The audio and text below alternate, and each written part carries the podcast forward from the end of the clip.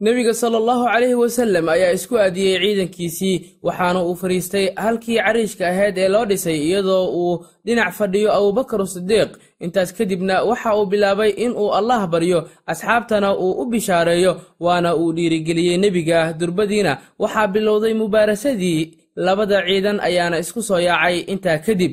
Nebiga sala allahu calayhi wasallam waxa uu yidhi u kaca janno ballaarkeeda uu la egyahay samada iyo dhulka waxaa istaagay cumeer ibnu xamaam oo ahaa ansaari. Wuxuu yidhi rasuulka sala allahu calayhi wasallam allow ma janno ballaarkeeda uu la egyahay samada iyo dhulka ayaad inoo ballanqaatay. Isla goortiiba xoogaa timir ah oo uu gacantiisa ku jirtay oo uu haystay ayuu firdhiyey waana uu dagaalamay ilaa uu ka noqday shahiidkii ugu horreeyey. Sidoo kalena nebigana waa uu dagaalamay dagaal aad u daran xilligaasi cadowga ayaa xilligaasi waxa uu ahaa mid u dhow nebiga naxariistii nabadgelyo korkiisa aatee dagaalkiisa aad ayuu u darnaa nebiga. Allah ayaa soo dejiyey malaa'ig kuwaas oo la soo degtay naxariis iyo oguul waxayna allah subxaanahu wa tacaala uu qur'aanka ku yidhi id yuuxii rabbuka ila almalaa'ikati annii macakum fathabbituu aladiina aamanuu sa'alqii fii quluubi aladiina kafaruu alrucb fadribuu fowqa alacnaaqi wadribuu minhum kulla banaan cabdiraxmaan ibnu cawf waxa uu yidhi maalinkii beder waxaan ku jiray safkii dagaalka. Dhinacyadeyda ayaan fiiriyey mase labada dhinacba waxaa iga taagnaa laba dhallinyaro ah oo aad u da'yar maadaama ay yaryar yihiinna kumaanan aaminin qabin dadkaasi. Waxaan jeclaan lahaa dad xoog badan in ay garbahayga joogaan. Mid ka mid ah carruurtii yaryareed ee garbahayga taagneed ayaa si hoose waxa uu ii yidhi adeerow abujahal itus waxaan ku idhi maxaad ku samaynaysaa?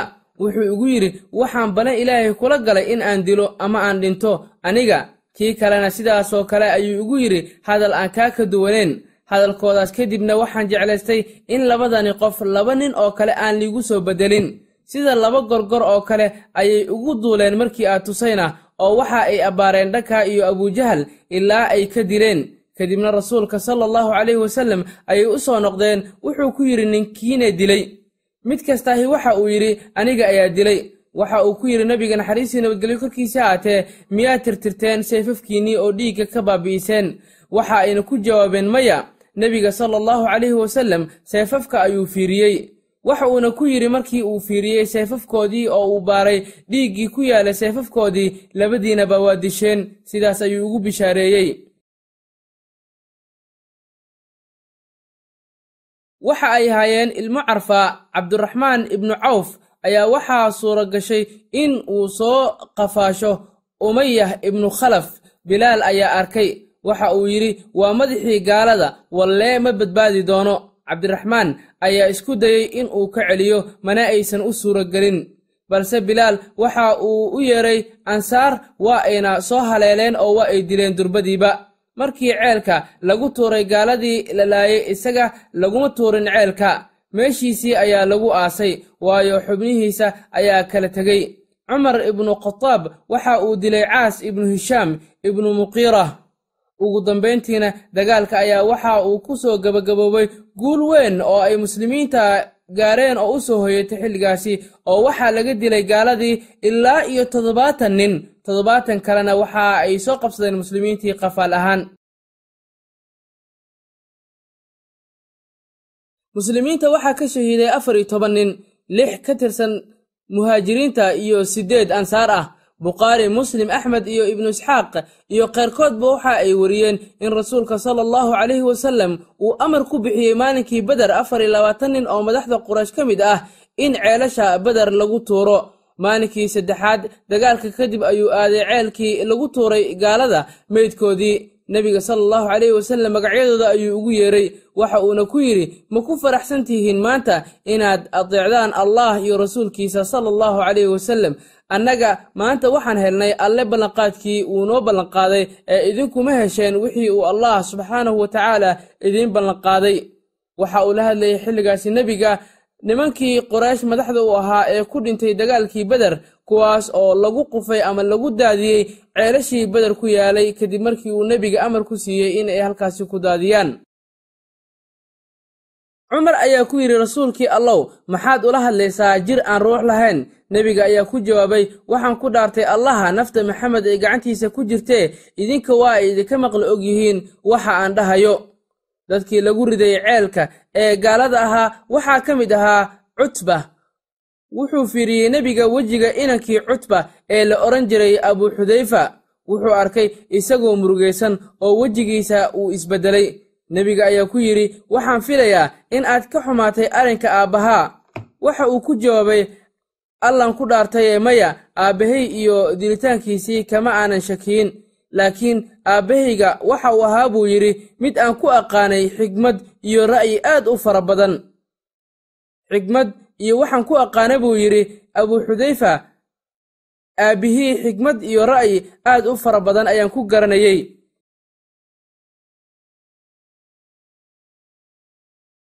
waxaan ka rajaynayey in ay arrinkaasi ku hanuuniso islaamka oo uu qaato. Markaan arkay waxa uu ku dhacay oon soo xasuustay waxa uu ku dhintay ee gaalnimada ah way imurjisay rasuulka sala allahu calayhi wasallam khayr ayuu ugu duceeyey.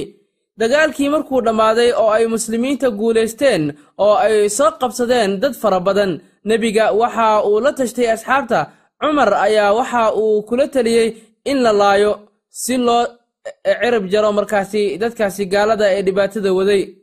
Dowladda islaamkana ay sidaa yeesho sababtoo ah waxa ay khatar ku ahaayeen dowladda islaamka waana madaxdii qureysheed. Abuubakarna waxa uu soo jeediyey in furasho laga qaato oo qof walbaahi oo ka mid ah dadkaasi maxaabiista la soo qabsaday. Inta meel lagu xiro kadibna la weydiiyo dhaqaale uu madaxiisa ku furto si xorriyaddiisa uu helo. Taas ayuuna u arkayey nebiga sala allahu calayhi wasallam in uu awoodda ay ku jirto. Sidoo kale wuxuu rajeynayay in uu alle ku hanuuniyo islaamka. Nebiga naxariisii nabadgelyo korkiisa haatee waxa uu qaatay taladii abubakar wayna kala duwaneed qiimaha furashada ee laga qaadayey ciddii hanti leh furasho ayaa laga qaaday sida ay u kala qiimo badan yihiin ayaana furashada ay u kala qiimo badneed.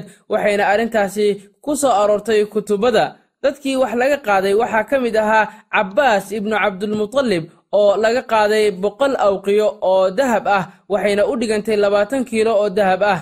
Cuqayl ibnu abi taalib asna waxaa laga qaaday siddeetan awqiyo kuwo kalena waxaa laga qaaday afartan awqiyo. Qur'aankii soo degayna waxa uu markaasi aad u faaqiday taladii cumar allaha ka raali noqdee uu bixiyey ee uu siiyey nebiga sala allahu calayhi wasallam xilligii uu tala weydiistay asxaabta markii la soo qabsaday dadkii la soo qafaashay ee gaalada ahaa oo ay gacanta muslimiinta soo galeen kadib.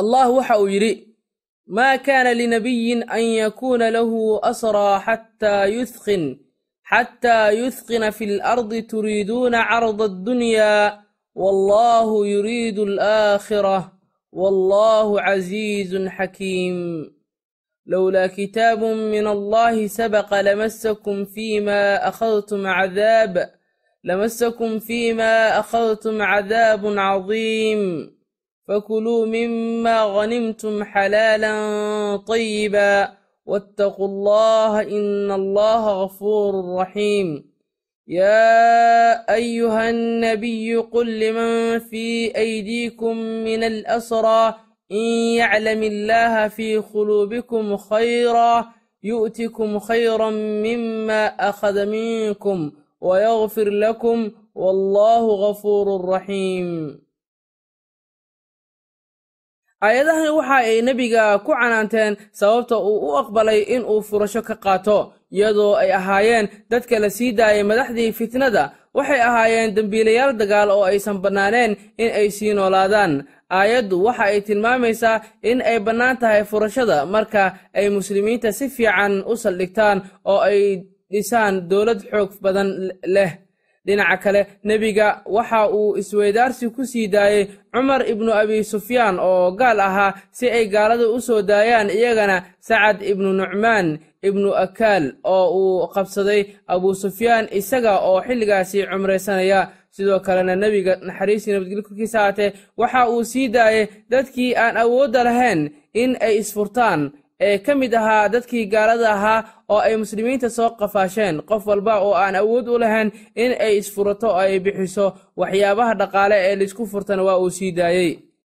Laakiin kuwii yaqaanay akhrinta iyo qoraalka haddana aan awood u yeelan in ay isfurtaan. Ahalna aan lahayn waxa uu nebiga dhahay isku furta qof walbaahi in uu baro toban ka mid ah ilmaha ansaar wax akhrinta iyo qoraalka nebiga sala allahu calayhi wasallam waxa uu diray zeyd ibnu xaarisa iyo cabdulaahi ibnu rawaaxa si ay muslimiinta ugu bishaareeyaan guusha la gaaray markaasi. Farxad ayayna muslimiinta ku qaabileen.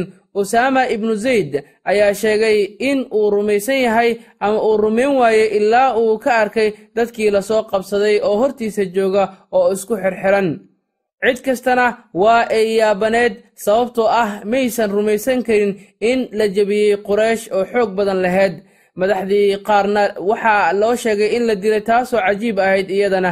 Qaarna maxaabiis ahaan ayaa loo soo qabtay oo waxa ay soo galeen gacantii muslimiinta. Kibirkoodiina waa uu jabay.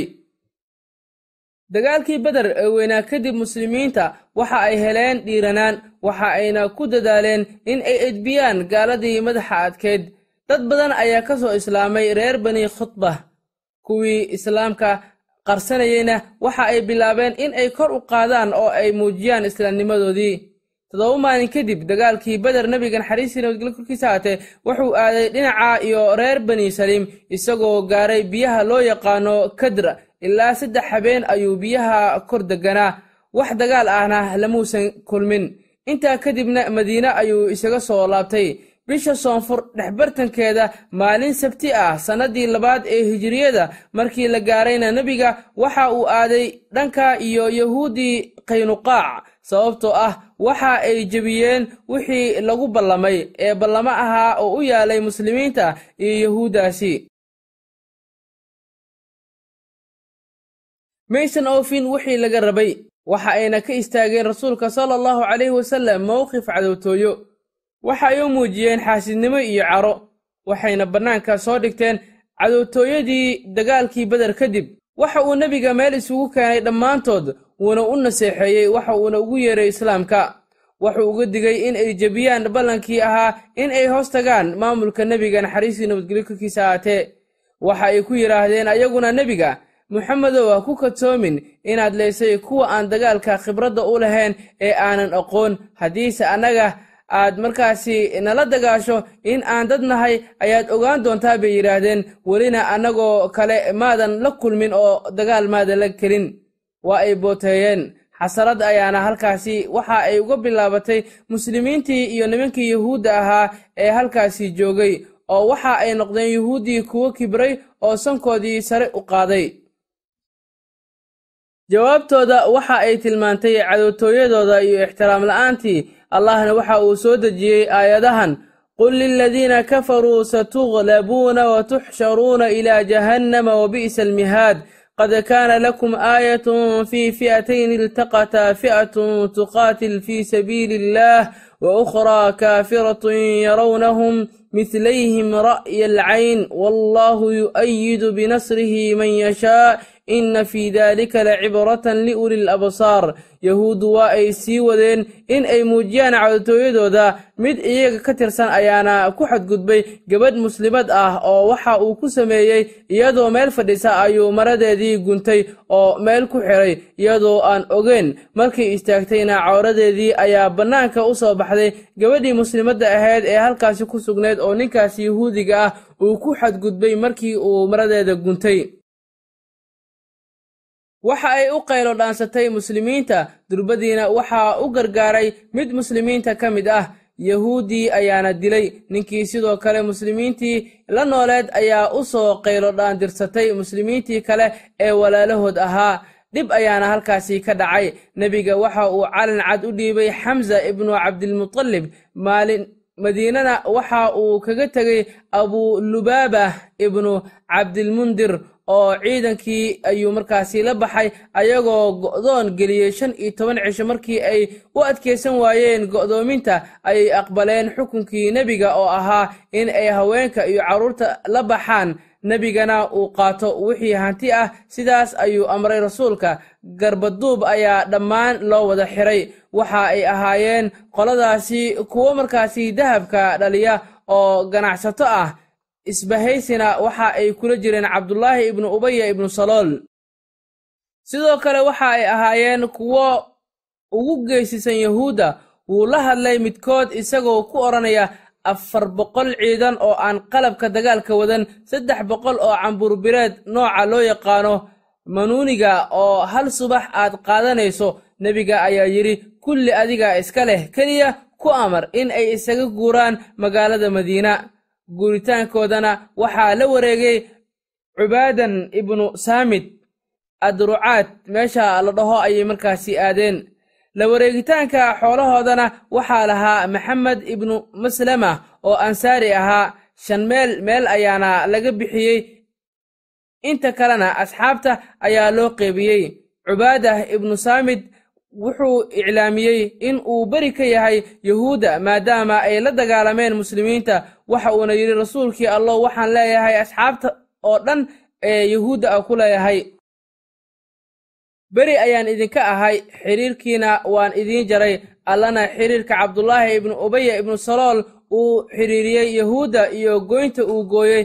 Cibaada waxa uu kaga hadlay oo uu soo dejiyey aayadahani qur'aanka yaa ayuha aladiina aamanuu laa tattakhiduu alyahuuda waannasaaraa awliyaa bacduhum awliyaa'u bacd jabkii quraysh kadib dagaalkii beder abuu sufyaan waxa uu damcay in uu aargoosi sameeyo wuxuu soo watay laba boqol oo faras madiine ayuuna si qarsoodi ah u soo aaday shanta bisha carafo ayay ku beegneed xilligaasi waxa uu soo maray meel la yidhaahdo najdiya waxa uuna soo degay meel madiine u jirta afartan kilomitir oo ka yara fog madiina. Marka halkaasi uu soo gaarayna waxa uu ahaa mid damaciisu uu yahay in uu galo magaalada madiinatul munawara oo ahayd xaruntii muslimiinta. Habeenkii ayuuna si dhuumaaleysi ah ku soo galay magaalada waxa uuna u yimid reer bani nadiir. Waxa uu garaacay albaabka gurigii uu degganaa xuyey ibnu aqtab lagama furin oo waa ay baqayeen haddana waxa uu garaacay guriga salaam ibnu mashkan kaas oo ahaa odayga reerka. Waa laga furay sidoo kalena waa la martisooray warbixinna waa laga siiyey xaalka muslimiinta iyo sirar kale oo badan. Intaa kadib abuu sufyaan gaaladiisii ayuu la baxay.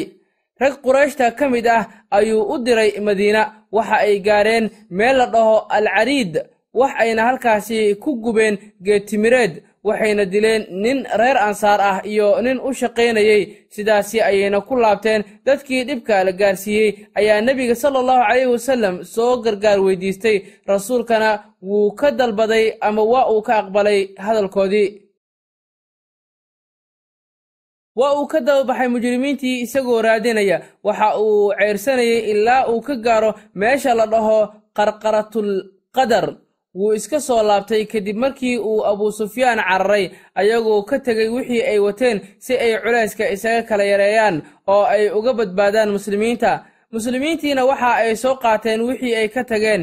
Bisha carafo intii ka dhinneed oo dhan nebigu waxa uu joogay madiina kadibna waxa uu aaday kadfaan iyo saliim kuwaasoo isugu soo ururay biyo ay lahaayeen reer bani saliim waxaa dhib weyn ka soo gaaray qabiilkaasi cunaqabatayntii ay muslimiinta ku soo rogeen quraysh. Nebiga dhankooda ayuu waxa uu joogay muddo laba boqol dhankooda ayuu la aaday laba boqol oo dagaalyahan. Wuuna weeraray way ka carareen ayagoo ka tegay dhammaan hantidii ay wateen tirada geelooda waxa uu gaarayay shan boqol oo rati. Muslimiintii iyo nebiguna waxa ay halkaa ku sugnaadeen muddo saddex maalin ah kadibna madiine ayay u soo laabteen. Bishii safar ee sannadkii saddexaad ee nebiga sala allahu calayhi wasallam waxa uu aaday qabiilka khadfaan oo isku urursanayay in ay muslimiinta la dagaalamaan islamarkii ay ogaadeen in nebiga naxariis iyo nabadgelyo korkiisa aatee uu ku soo wajahan yahayna way kala carareen oo way ka baxsadeen xilligaasi muslimiinta ciidankooda tiradiisu waxa ay ahayd afar boqol iyo konton nin. Bishii safar oo dhan nebiga sala allahu calayhi wasallam waxa uu ku qaatay meesha la dhaho dii amar oo ah meesha ay kadfaan isku urursanayeen markii ay rabeen in ay soo weeraraan muslimiinta iyo nebiga sala allahu calayhi wasallam kadibna madiine ayuu ku soo laabtay nebiga markii uu weerarkaasi qaaday kadib bishii jamaadul awal la yidhaahdo markii la soo gaaray ayaa nebiga waxa uu aaday baxreen waxaana la socday xilligaasi xoogaga muslimiinta oo gaaraya saddex boqoloo nin isagoo beegsanaya reer bani saliim kuwaas oo isku dayey in ay badbaadiyaan safarada ganacsi ee quraysh lahayd kuwaas oo u kala gooshi jiray maka iyo shaam. Hase yeeshee wax dagaal ah lamuu kulmin. Madiine ayuuna isaga soo laabtay qurayshna waxa ay rabtay in ay ganacsigeeda gudaha iyo xeebta ka ilaaliso kadib markii ay bateen howlgallada ciidan ee muslimiinta samaynayaan kuwaas oo lagu baacsanayo ganacsiga quraysh.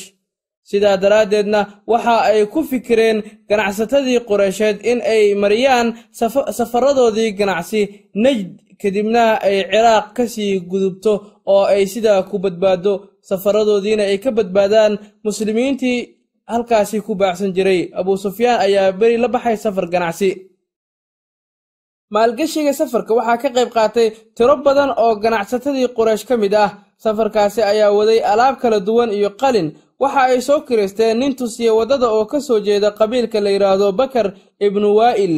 Nebiga naxariisii nabadgelyo korkiisa haatee markii uu ogaaday safarka ganacsi waxa uu diray boqol ka mid ah ciidanka muslimiinta wuxuuna hoggaan uga dhigay zayd ibnu xaaris waxa ay ku gaareen meel la yidhaahdo qirda iyagoo ka soo furtay wixii ay wateen. Kadib markii raggii waday ay ka carareen oo ay ka baxsadeen dhacdadaasi ayaa ahayd lix bil kadib. Dagaalkii beder markii uu dhacay oo ay halkaasi isku laayeen dhinacyadii dagaalamay waxayna gaartay qiimaha khaniimadaasi boqol kun oo dirham taasoo dharbaaxo weyn ku noqotay ganacsatadii reer qureysheed ee soo dirsatay safarkaasi ganacsi. Dhanka kalena waxay dhammaystiratay arrintaasi cunaqabateyn dhammaystiran oo lagu soo rogay quraysh taasoo ku qasabtay in ay ku fikiraan samaynta howlgallo ciidan oo isdabajoog ah. Dagaalkii uxud dagaalka uxud waxaa sababay arrimo fara badan waxaana ugu muhiimsanaa dharbaaxadii quraysh ay ku dhacday kadib markii ay galeen dagaalkii beder iyo qabsashadii ay muslimiinta qabsadeen waddadii ganacsi ee quraysh. Diyaargarowga quraysh ee dagaalka waxa uu ahaa mid xilli hore bilowday jabkii cuslaa markuu soo gaaray kadib dadkii lagu laayay beder carruurtoodii iyo safarkii ganacsi ee beder ka hor ka badbaaday muslimiinta dadkii iska lahaa abuu sufyaan ayay la kulmeen waxayna hantida u dhigeen in lagu diyaar gareeyo ciidankii aargoosiga samayn lahaa oo ka mid ah ciidamada kufaarta ee ka soo horjeeda muslimiintii difaacaya nebiga sala allahu calayhi wasallam. Abuu sufyaan wuxuu awood u yeeshay inuu ka soo ururiyo quraysh iyo qabiiladii isbaysiga kula jiray saddex kun oo dagaalyahan oo ay ku jiraan laba boqol oo faras iyo toddoba boqol oo cambuurbireed ah. Isaga madaxdii quraysh iyo haweenkoodii waa ay soo raaceen si ay u dhiirigeliyaan ciidanka ugana celiyaan in ay cararaan. Waxa uu degay meel u dhow buurta uxud oo cayneyn la yidhaahdo oo dhacda waqooyiga magaalada madiina. Intaas kadibna nebiga waxaa soo gaaray war sheegaya in ay quraysh soo socoto iyadoo duulaan ah waxa uu diray unug warbixin ka keenta arrinkaasi. Dadka oo dhanna waxaa laga codsaday in ay ka qayb qaataan dagaalka lala geli doono dadkaasi ku soo xadgudbay magaalada madiina almunawara oo ahayd xaruntii muslimiinta. Waxaana nebiga sala allahu calayhi wasallam sidoo kale magaalada madiina uu waardiye xoog badan u sameeyey. Nebiga naxariistii nabadgelyo korkiisa aatee waxa uu la kulmay asxaabta si uu ula tashto in badanoo muslimiinta ka mid ah iyo dhallinyarada ayaana waxa ay ku taliyeen in loo baxo oo gaalada lagula kulmo bannaanka magaalada ayagoo arrinkaa ku macneeyey in ay guulaysteen maalinkii beder si aan fulaynimo loogu tuhmin oo aysan gaalada inta ay ka soo jiirayaan madiina aan la sugin. Dadka ra'yiga qabay waxaa ka mid ahaa xamsa ibnu cabdulmutalib maalik ibnu sinaan oo asna ra'yiga taageersanaa ayaa waxa uu leeyahay annaga labada wanaag mid unbaan helaynaa mar walba.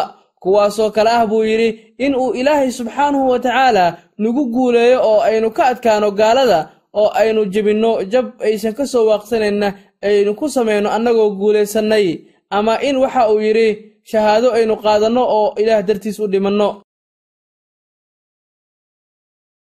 laakiin nebiga waxa uu jeclaa in uu xeelad cusub isticmaalo cadowgana la soo geliyo magaalada oo gudaheeda lagula dagaalamo. Arrintaas ayaana ahayd taladii muujinaysay in la joogo magaalada oo la isdifaaco. Nebiga ayaana yidhi waxaan ku jirnaa beer ilaalsan. Ansaar qayb ka mid a ayaa necbaysatay in magaalada gudaheeda lagu dagaalamo waxayna dhaheen annaga waxaan ahayn kuwa ku raaxaysta weerarka laakiin islaamka markaan qaadanay isagaa ku xaqnimo badan in weerarka uu qaado asiga ilaahay dartiisna loo dagaalamo. Nebiga waa uu baxay waxa uu soo xirtay qalabkiisii dagaalka raggiina waa ay is-eedeeyeen waxayna dhaheen nebiga arrin buu soo bandhigay waadna ka soo horjeesateen adinkoo wax kale wata. Ugu dambayntiina xamsa ayay ku yidhaahdeen nebiga sala allahu calayhi wasallam waxaad ku tidhaahdaa annaga adigaan ku raacsannahay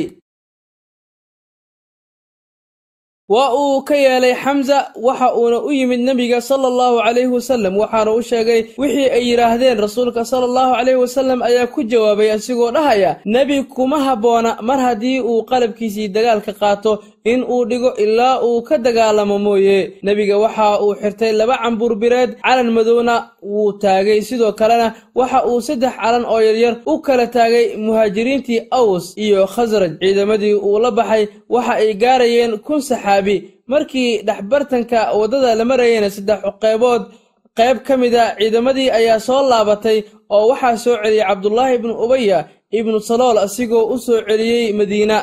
Isaga waxa uu markaasi u arkayey in madiina lagu dagaalamo in ay wanaagsan tahay.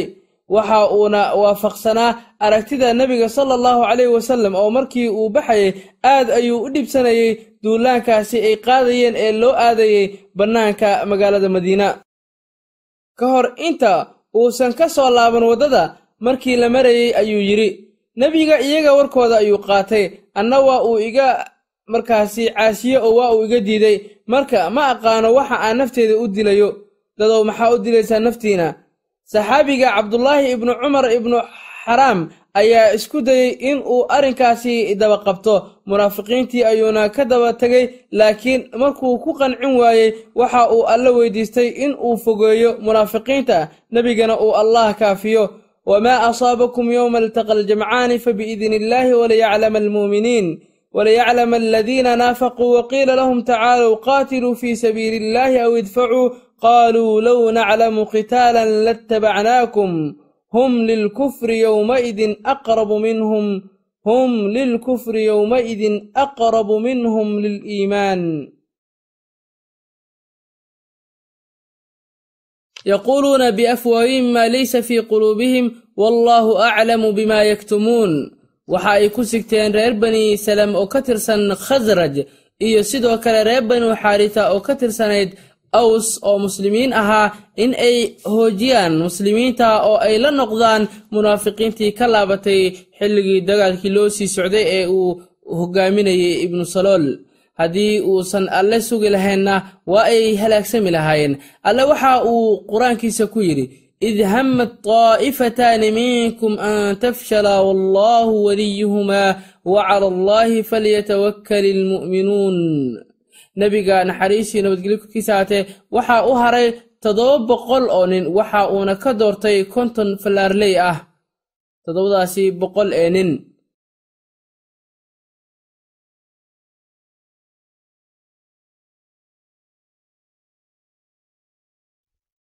hogaamiye ayuu u magacaabay oo uu ka dhigay cabdulaahi ibnu jubayr. Waxa uuna amray in ay joogaan buurta korkeeda si ay u ganaan oo fallaaraha ay ula dhacaan fardaha gaalada. Muslimiintana ha uga ilaaliyaan dhabarjibin waxa uuna nebiga ku yidhi cabdulaahi haddii nala jebiyo ama aan annaga wax jebinno meeshiina ku sugnaada oo dhankaas yaan nagala soo gelin ee ha ina soo aadina ciidanka dhabarkiisii waxa uu ku aadiyey nebiga buurta uxud safafkoodiina wuu simay wuxuuna amray in aysan dagaalka bilaabin ilaa uu ka fasaxayo nebiga sala allahu calayhi wasallam.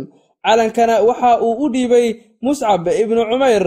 Dhanka kale gaalada ciidankooda waxa uu ka koobnaa saddex kun oo nin kuwaas oo wata toddoba boqol oo cambuurbireed iyo laba boqol oo faras waxaana la socday toddoba iyo toban haween ah.